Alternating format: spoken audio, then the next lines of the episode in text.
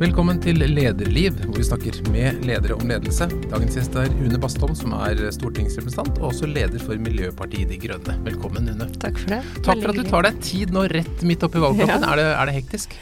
Ja, nå er det veldig hektisk. Eh, nå har jo akkurat den FN-rapporten om klima kommet, så det ble veldig game changer for oss. Mm, det har vært travelt de siste dagene. Var det noe overraskende i den? Det er eh, dessverre ikke store overraskelser, men, eh, men, jo, det var litt skumlere, ja. Eh, litt mørkere enn jeg hadde trodd. Fordi de har jo Det var jo egentlig to viktige ting som kom ut av den rapporten nå. Det ene var jo at de klimaendringene og det ekstremværet vi har frykta før, det kan de nå på en måte dokumentere da, at skjer, og de knytter det til klimaendringer. Og det er jo første gang at man gjør, ikke bare på en måte eh, legge fram hva man tror kan skje, eller frykter kan skje, men at du faktisk har klart å dokumentere da, at man må, kan utelukke andre årsaker enn klimaendringer. Uh, det andre er jo at de sier at det her går mye fortere enn man før trodde. Og det var jeg ikke forberedt på. Uh, det tror jeg få av oss uh, har vært, egentlig.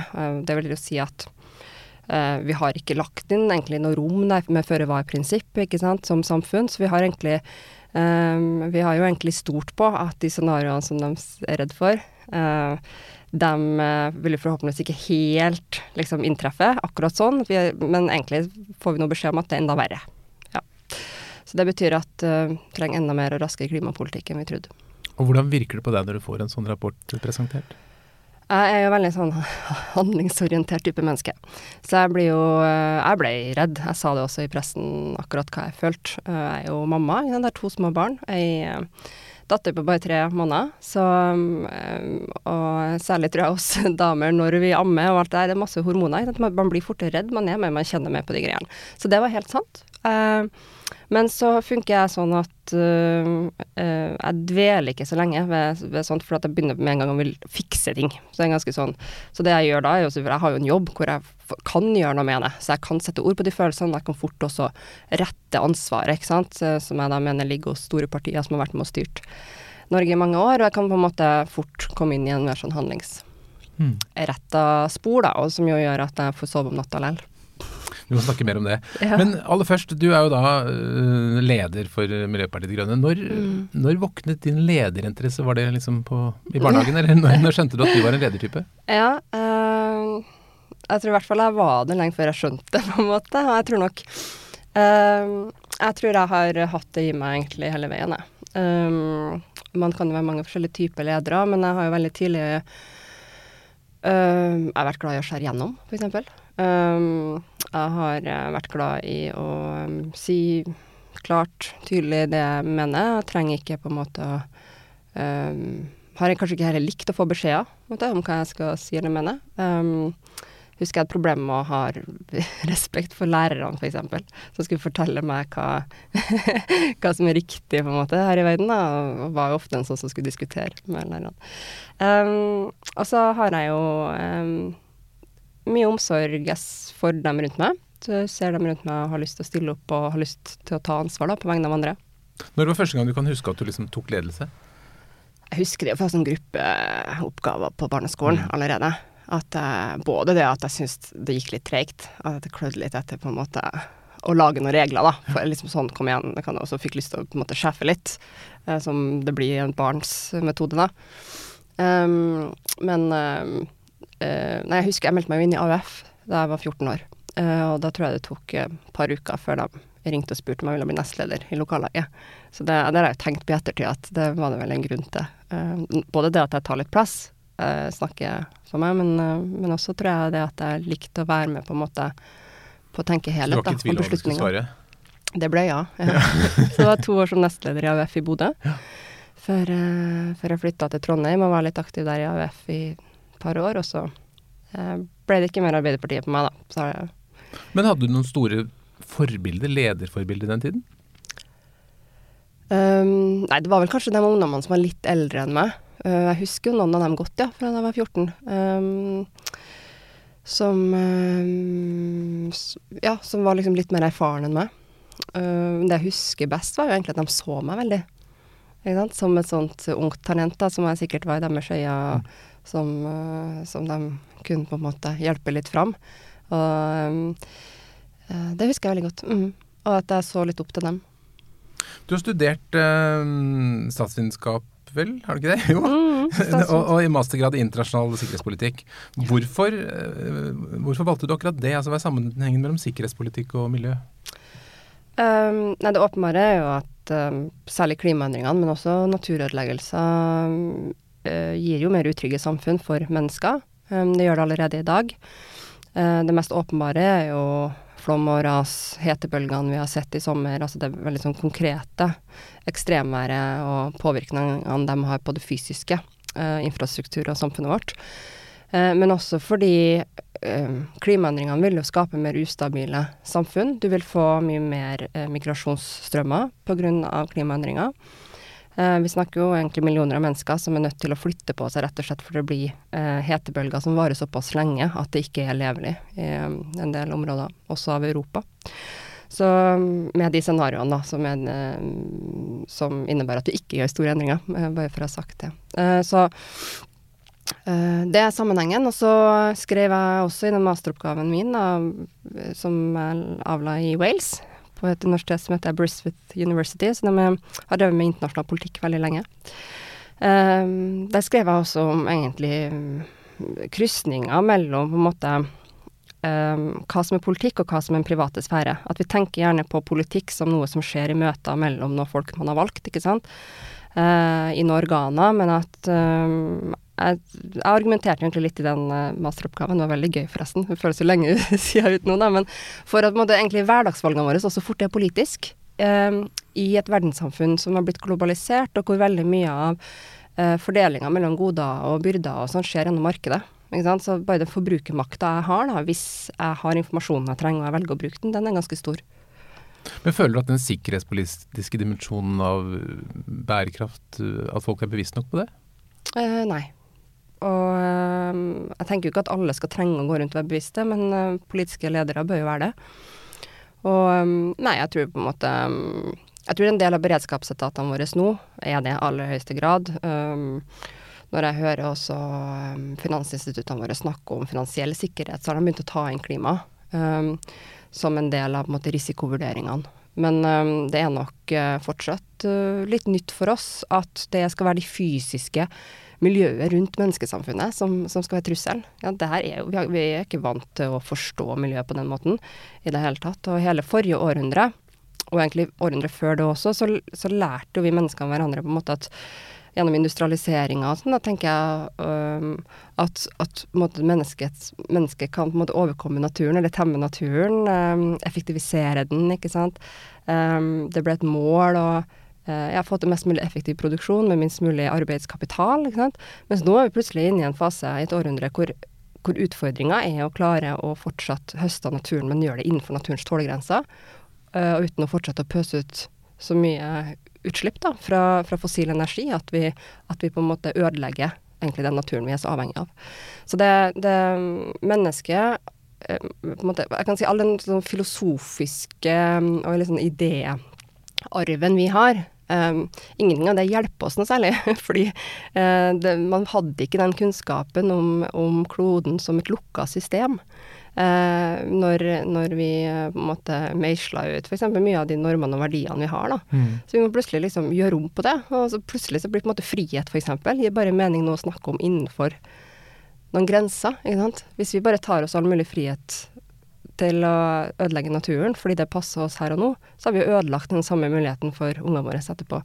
Det, ja, det er en ganske stor sånn eh, Ser jeg på det som en ganske sånn stor idé uh, og kulturell endring, mm. egentlig, som skal skje. Hva tror du er den mest liksom, farligste sikkerhetspolitiske trusselen som følge av klimaet? Er det migrasjon? Uh, jeg tror det er stabilitet. Mm, jeg tror nok det. Og det um, det er jo noen også som mener at vi er med å polarisere, ikke sant. Um, det, det, gjør litt inntrykk på meg, for jeg er en person som er ganske opptatt av å ikke Jeg, har ikke noe sånn behov for, for, å polarisere ting, da. For å si det sånn, jeg er ofte interessert i hvor man kan samarbeide. Uh, passer meg bedre for eksempel, og, egentlig og skulle vært med og styrt landet enn å ha hatt en opposisjonsrolle der, hatt mm. noe i Stortinget i fire år hvor det er sånn 1 av 169 og alltid skal bare klage på det regjeringa gjør, ikke sant, istedenfor å være med å ta ansvar sjøl. Det, det, er litt sånn pussig for meg. Sånn at, men, uh, men, det er den rollen jeg har hatt, da. Uh, og uh, jeg tror at, um, at, vi kommer til å se et mer og mer polarisert samfunn, ikke pga. partier som Miljøpartiet Grønne som vil på en måte ha klimahandling, men fordi um, når samfunnet presses både økonomisk, uh, vi kommer til å ha klimaendringene, og vi kommer til å ha økt migrasjon, så presses verdiene våre. Og, så det er utrolig viktig egentlig at vi unngår at vi splittes. Og da tenker jeg at ordene f.eks. vi politikere bruker er veldig viktige. Du er jo blant de, de få stortingsrepresentanter som faktisk har jobbet litt. Du har vært litt ute i, ja. i arbeidslivet, og du jobbet i um, Naturvernforbundet, Dyrevernalliansen, og også startet en liten butikk. Mm.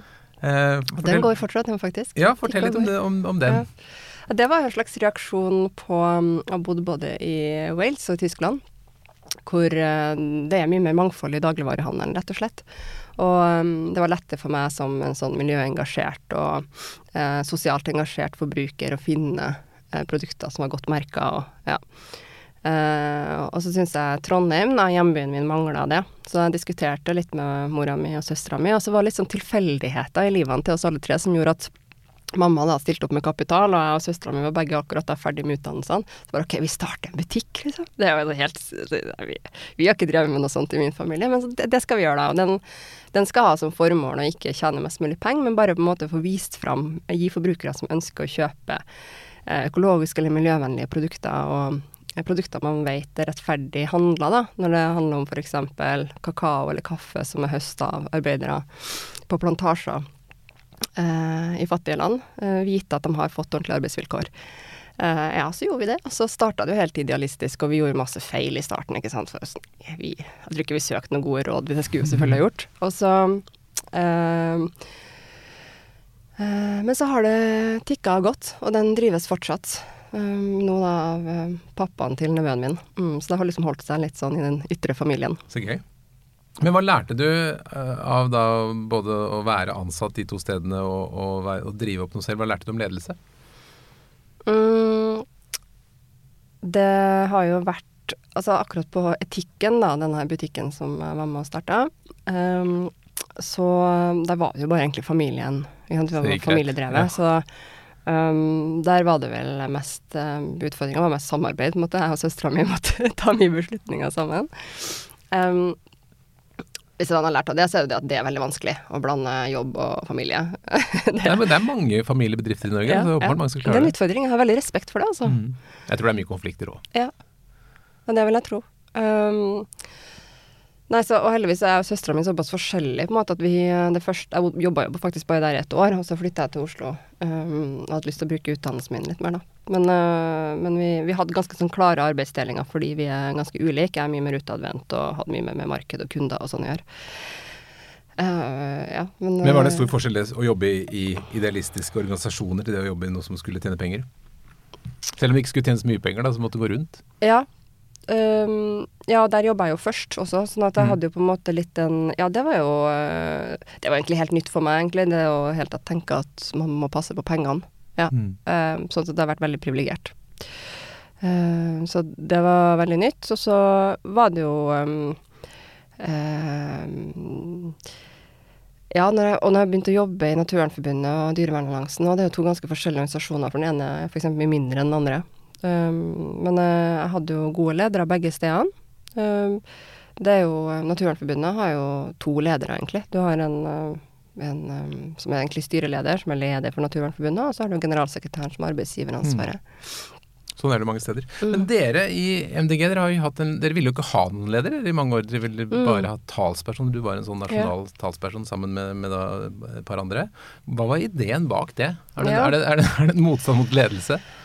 Ja, det er altså ideen eh, er jo eh, Kommer egentlig fra den grønne bevegelsen, eller våre grønne søsterpartier i Europa. Så det er veldig mange som har den modellen fortsatt, faktisk, med to talspersoner istedenfor én leder. Og man snakker om dem som ledere, på en måte. Uh, I hvert fall oppfatt, de som er talspersoner, oppfatter seg som ledere. For det er jo det man Ja, for de stiller opp i lederdebatter og sånn? Ja. ja, ikke sant. Uh, noen må jo ta beslutningene til slutt, så, så, man er jo ledere, men man skal være to sammen. Da, og ideen var jo opprinnelig uh, kanskje aller mest likestilling. At man skal sørge for at det alltid også måte plass til en dame eh, øverst. Eh, og så er det jo noe eh, Så er det jo på en måte tanken om at når du er nødt til å diskutere, drøfte med en annen, så vil du også kanskje få en litt Altså når måte toppen av hierarkiet da er litt mindre spist, så får du mer rom for debatt og mer diskusjon. Og det ble sett på som viktig ideal i et um, demokratisk parti, da, mot f.eks. For Forsvaret, ikke sant, hvor du trenger veldig tydelige kommandolinjer. Så, så har jo ideen vært at ok, i et politisk parti så kan det være sunt at det er mer rom for diskusjon. Um, og så har jo jeg vært med i begge, begge de modellene nå, for vi har fått ledermodell. Jeg ser liksom fordelen med talspersonmodellen, men, men um, det er jo helt tydelig um, tydeligere plassert ansvar nå, da, tenker jeg. Ja, for dette skjedde i fjor. Du ble da den første egentlig lederen da, av eh, MDG. Hva var grunnen til at du ville gjøre den endringen?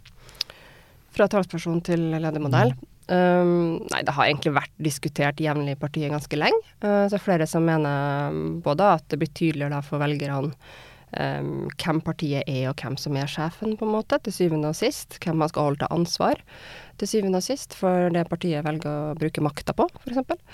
Og uh, også litt sånn effektivitetshensyn. Uh, altså jo mer innflytelse vi fikk, ikke uh, og jo større vi ble, desto mer behov Kanskje så folk også for at det var litt tydelig hvem man skal gå til, eller hvem som skal ta beslutninger. Det er lettere å være mer i forkant, da. Ikke sant? Når du ikke må hele tida holde litt tilbake fordi kanskje den andre også mener noe om det. Så du kan ikke egentlig bare ringe pressen og si fra hvis noe er feil. Du må først drøfte altså sånne småting og, og store ting. Um, så det har vært uh, Det var grunnen til Og så skifta på en måte flertallet, da, på et tidspunkt i Hva blir det? Nå 20, 2020. 2020. Ja. uh, fra at uh, mm, fra at man ønska Vi innførte det i 2020, men vi vedtok det litt før, da. Mm. At vi ønska å gå over til partiledermodell. Og det var faktisk en sånn uravstemning i partiet. Og når du da ble stilt opp og ble valgt som partileder, hva, hva slags leder tenkte du at du skulle være? Hadde du noen sånn mål for hvem du ville være som partileder?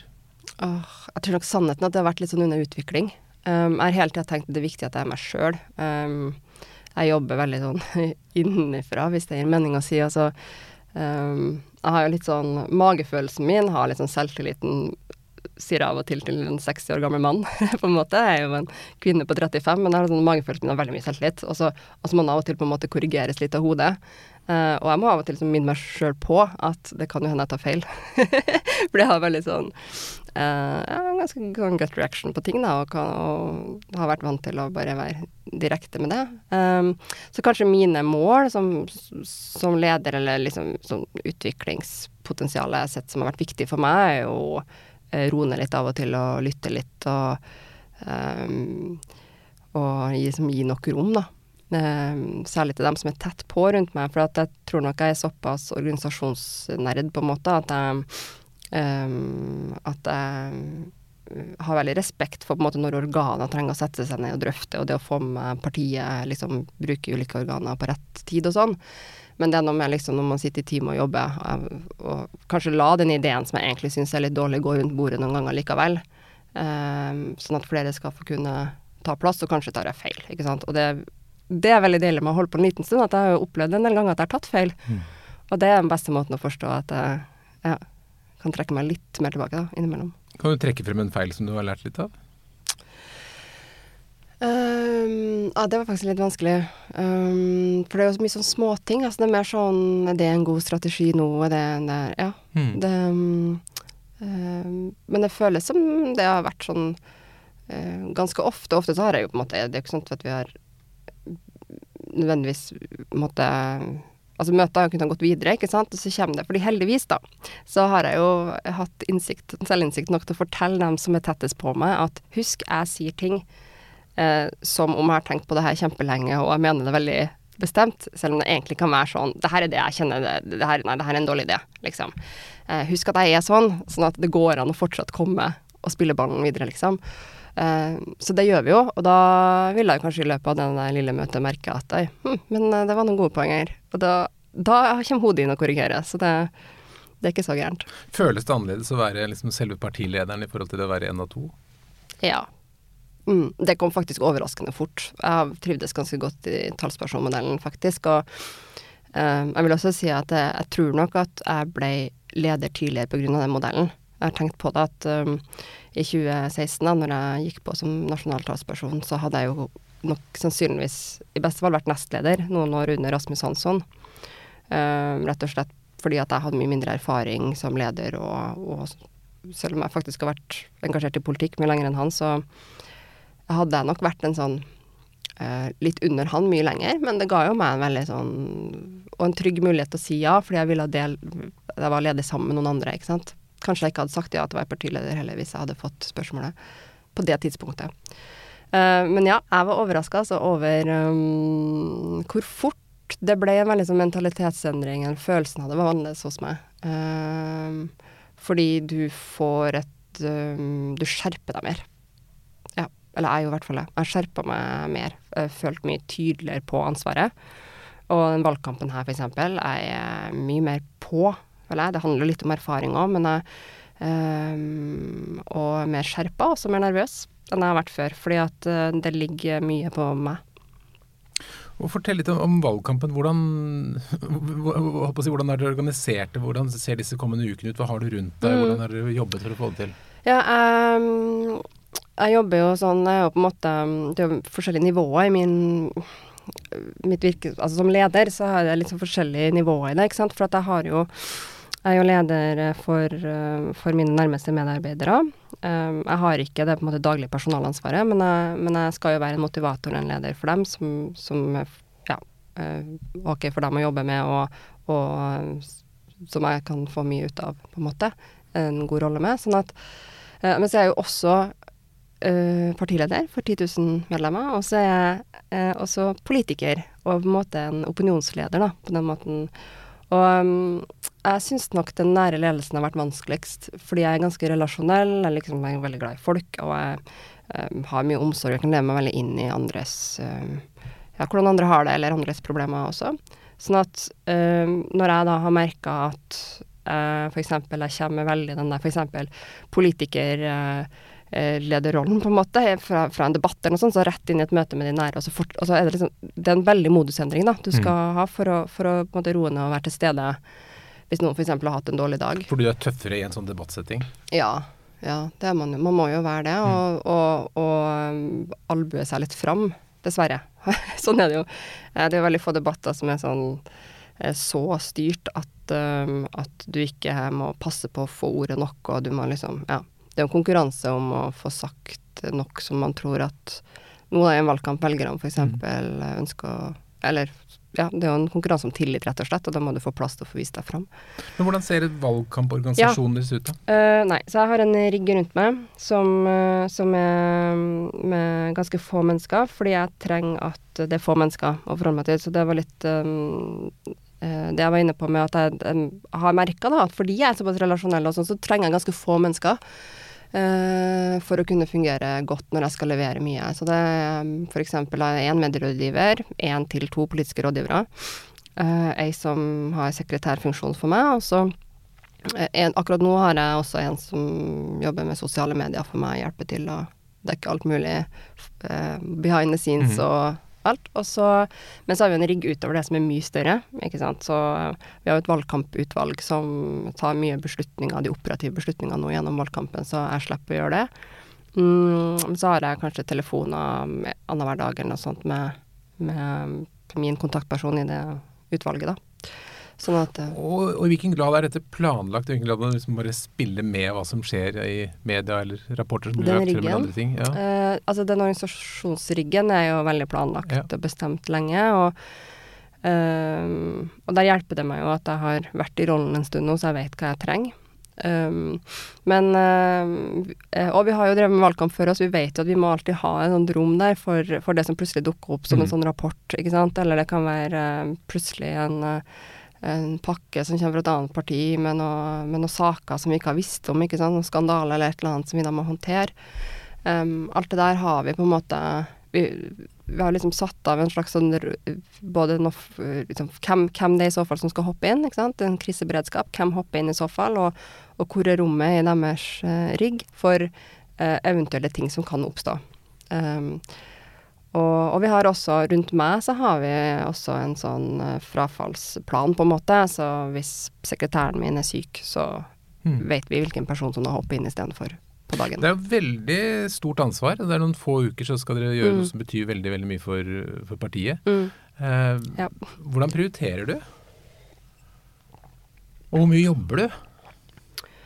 Nei, nå i en sånn valgkamp så er jeg jo på uh, hele tida når jeg ikke sover. Mm, nå har jeg jo en tre måneder gammel baby. Og det er jo uh, ganske spesielt, egentlig. Det er jo i utgangspunktet en um, dårlig rigg mm. for å vinne en valgkamp. Kanskje ikke lagt opp i forhold til valgkampen. Nei. Uh, men uh, veldig koselig. Men det betyr at jeg ammer jo flere ganger i løpet av arbeidsdagen, f.eks. Så Nei, man jobber jo hele, hele tida. Og så Men man, man må passe Man på en måte prøve å variere litt, da. Ikke sant? Så du har noen ting som er litt nedpå. Jeg sitter f.eks. kanskje og ser gjennom tekst mens jeg ammer. Um, um, som jeg ellers kanskje ikke ville ha gjort, ikke sant. Men det er jo en begrensa uh, tid, det her. Sånn at um, man Det er utrolig hva man klarer å mobilisere seg når du vet at det har en sånn det har en deadline, det, og det, alt teller fram til da, og da kan man, etter det kan man bare slappe av. ikke sant? Jeg skal jo inn i en partilederdebatt f.eks. på valgnatta. Mm den er jo ikke noe vits i å tenke et sekund på, for da er alt avklart. Mm. Ja. Men, men, føler du at du vet stort sett hva som skal skje, at du ser for deg hvordan det er, eller er det veldig mye uventet og, og mange yr i dette spillet? Det er jo veldig mye som er åpent foran valget, også bare rent politisk er det jo det. Uh, men uh, jeg føler jeg vet hva som skal skje, Jeg gjør det. Um, jeg vet jeg har fire store partilederdebatter, og så har jeg to partilederutspørringer. Um, som gjør mer, mer sånn direkte utspørringer mellom en programleder og meg, som er ganske intenst. Um, partilederdebattene også er jo som regel sånn at vi har fått noen tema, og det er en ganske tydelig regi i forkant. Um, sånn at vi prøver jo hele tida selvfølgelig å få ordet utover det vi bare blir gitt oss av programleder, men, uh, men uh, vi har sånn litt peiling på hvordan man kommer til å i hvert fall begynne ut en debatt, da. Og hvordan forbereder til sånn debatt? Det forbereder vi med jeg må jo ha full koll på programmet og ting vi har ment og sagt, og noen i partiet har gått ut om noe litt rart, så jeg må vite om de tingene. Det er jo den breddegreia som du kan gjøre når som helst. Og så får vi på et, på et tidspunkt får vi noe tema. Kanskje endres de temaene litt uh, underveis òg, det skjer ofte med NRK og TV 2. Og så, um, så sitter vi og forbereder særlig hovedpoenger, og kanskje noen linjer, altså noen um, på en måte snakkepunkter som jeg skal mm. prøve å få sagt. Uh, men vi prøver å ikke lage for mye sånn innlegg, på en måte. Vi gjorde det litt kanskje helt i starten når jeg var ny i de debattene. Men øver du? Da øver jeg litt, ja. Mm. På, um, på, noen poenger jeg vil ha fram. Uh, men der jeg syns jeg har vært best, det har jo typisk vært når jeg ikke har eh, I hvert fall ikke øvd inn på en måte ordene og akkurat framføringa, men det kommer innifra. Og, men jeg har et poeng, og det er veldig viktig å vite hvor du skal mm. ikke sant, med et resonnement. Så du får liksom broen fra det som skjer i rommet. Det er sjelden så lett å planlegge, men man kan ha prøvd å tenke på hva Rødt skal si, eller hva Venstre kommer til å si. og så eh, men så broa må du på en måte Det handler om å være til stede i debatten, men, men hvor du skal lande. Det er veldig viktig å ha, en, eh, ha litt sånn klart for seg, da. Hvis ikke roter man seg bort, og så har du kanskje sagt noe smart, men alle har glemt det fordi du bare fortsatte å bable. Men har du en sånn plan du vet liksom sånn skal jeg svare Vedum, og sånn skal jeg svare Erna? og ja, man har jo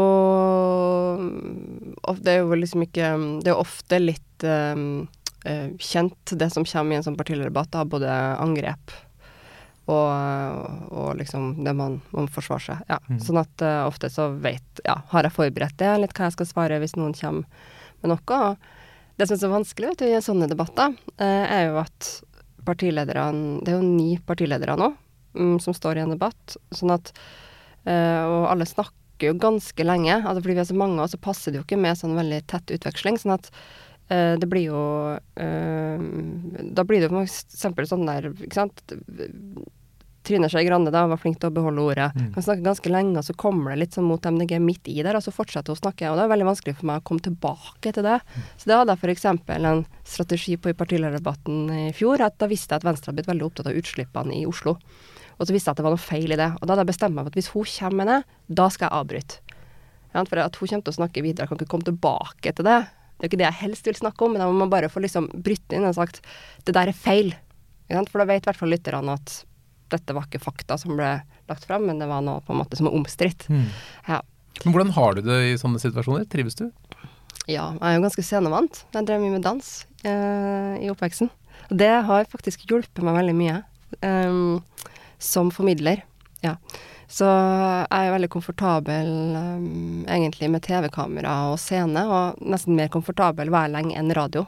Det er litt uh, morsomt, uh, egentlig, for at det Jeg husker jeg hadde problemer i starten med radio uh, fordi at jeg bare kunne bruke stemmen.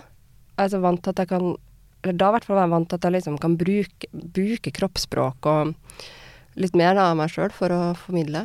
Uh, plutselig ble det så viktig akkurat liksom bare hvilke ord man bruker av stemmen. Uh, og så var jeg nok mer nervøs, så da brukte det å knytte seg sånn i, i halsen. Akkurat som at jeg liksom struper meg. Mm. Så begynte jeg å harke og måtte drikke vann og sånn i debatter.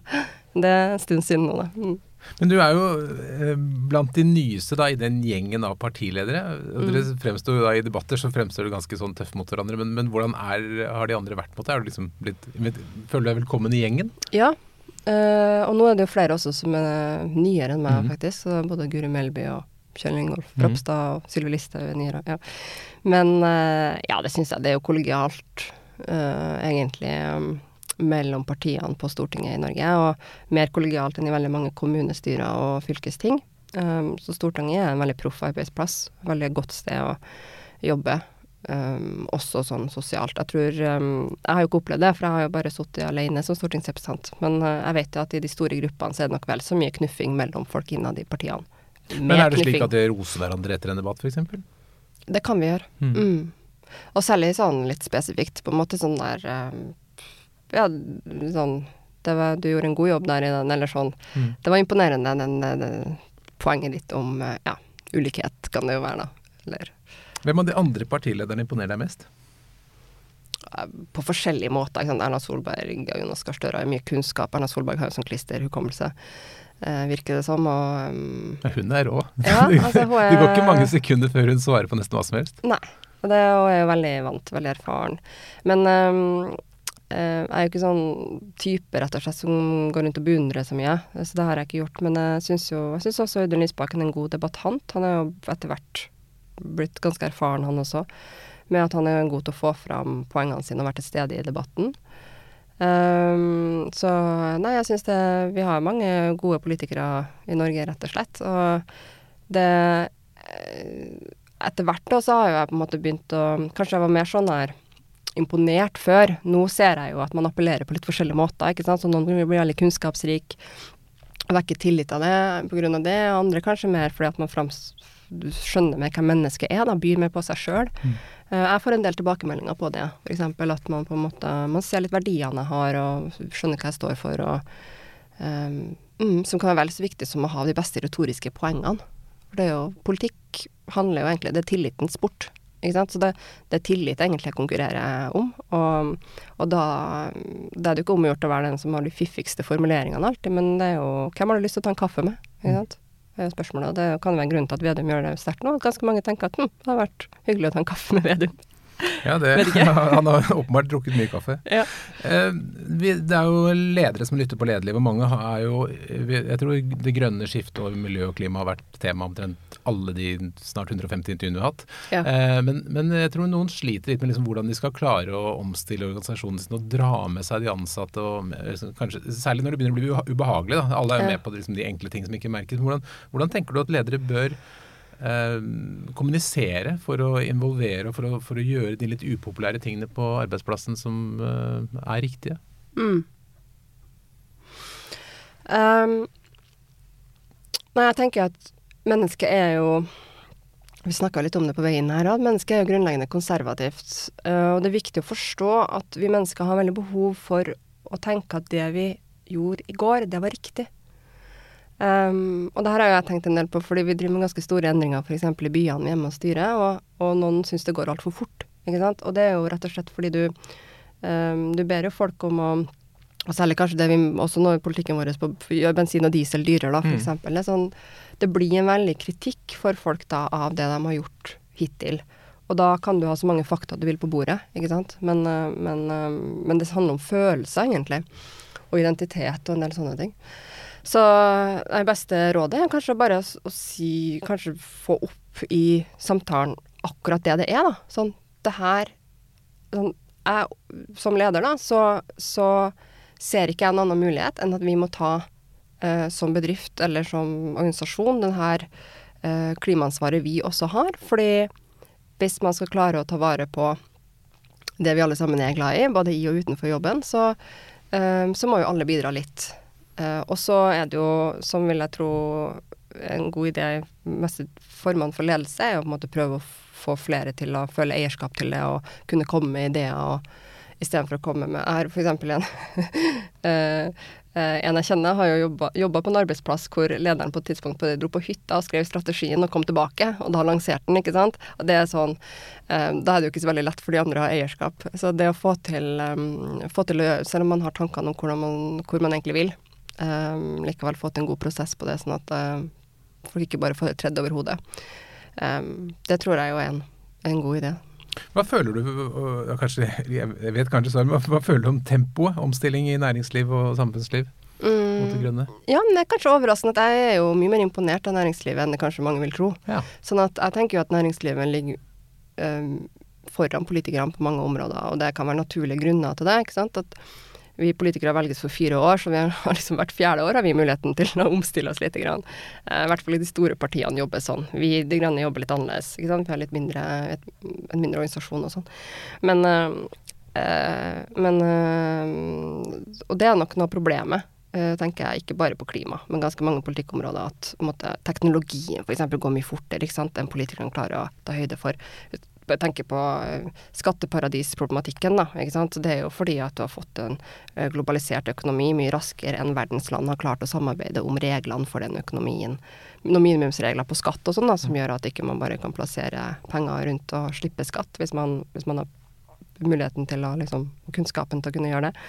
Så Um, så nei, det går jo på ingen måte fort nok. Og jeg, og jeg tror også at mange politikere frykter folks endringsvegring mer enn de trenger. Mm. Uh, og det handler mye om ledelse, egentlig. Fordi uh, jeg ser jo på politikere, særlig mm, politiske ledere, da, de som f.eks. sitter i regjering, som, um, som altså de, Det er veldig viktig at de ser på seg selv som ledere også på den måten at de har et ansvar for å fortelle hvorfor vi må gjøre noe. Uh, det vil si også være den lederen som går, går på en måte foran og viser vei. Ikke bare den lederen som sitter i en workshop og sier ok, nå har jeg hørt alle sammen. Um, det var ikke så mange som ønska uh, den omstillinga her, så da gjør vi ikke det. Og det, den rollen tar mener jeg norske partier litt for ofte. At man tenker sånn ja, men folk har ikke lyst på dyre bensin. Um, da, da, kan vi ikke gjøre det. Istedenfor motargumentet kanskje da når det gjelder dyre bensin, er vel det kan være vanskelig for en del som er avhengig av bilen og har dårlig råd å betale bensin. Og da kan man heller tenke ok, men hvordan gjør jeg noe med det, da? Hvordan sørger jeg for at det som vi virkelig er nødt til å gjøre, som å gjøre det dyrere å forurense, ikke går utover dem vi bør være aller mest opptatt av å beskytte? Kan det være noe eh, kan jeg gjøre noe differanse, f.eks.? Eh, kan vi gjøre det over skatteseddelen? hvordan kan vi ellers liksom sørge for at de folka um, som, som, vi er opptatt av å, av å lytte til, da, mm. ikke blir ramma mer. Så uh, politikere er jo også den, Demokratiet er Herregud, halleluja for demokratiet, men det, er, det sementerer litt ideer innimellom. ikke sant? Det, gjør, det uh, hindrer litt kreativitet innimellom, fordi at man blir så opptatt av å svare tilbake på det, på det velgerne sa til velgerne for fire år siden, istedenfor å tenke framover. Man kan si mye rart, men det er i hvert fall et parti som engasjerer veldig. Og særlig ja. din kollega Lan Marie Berg har jo fått en del tyn. Er det, er ja. det noe du også plages av?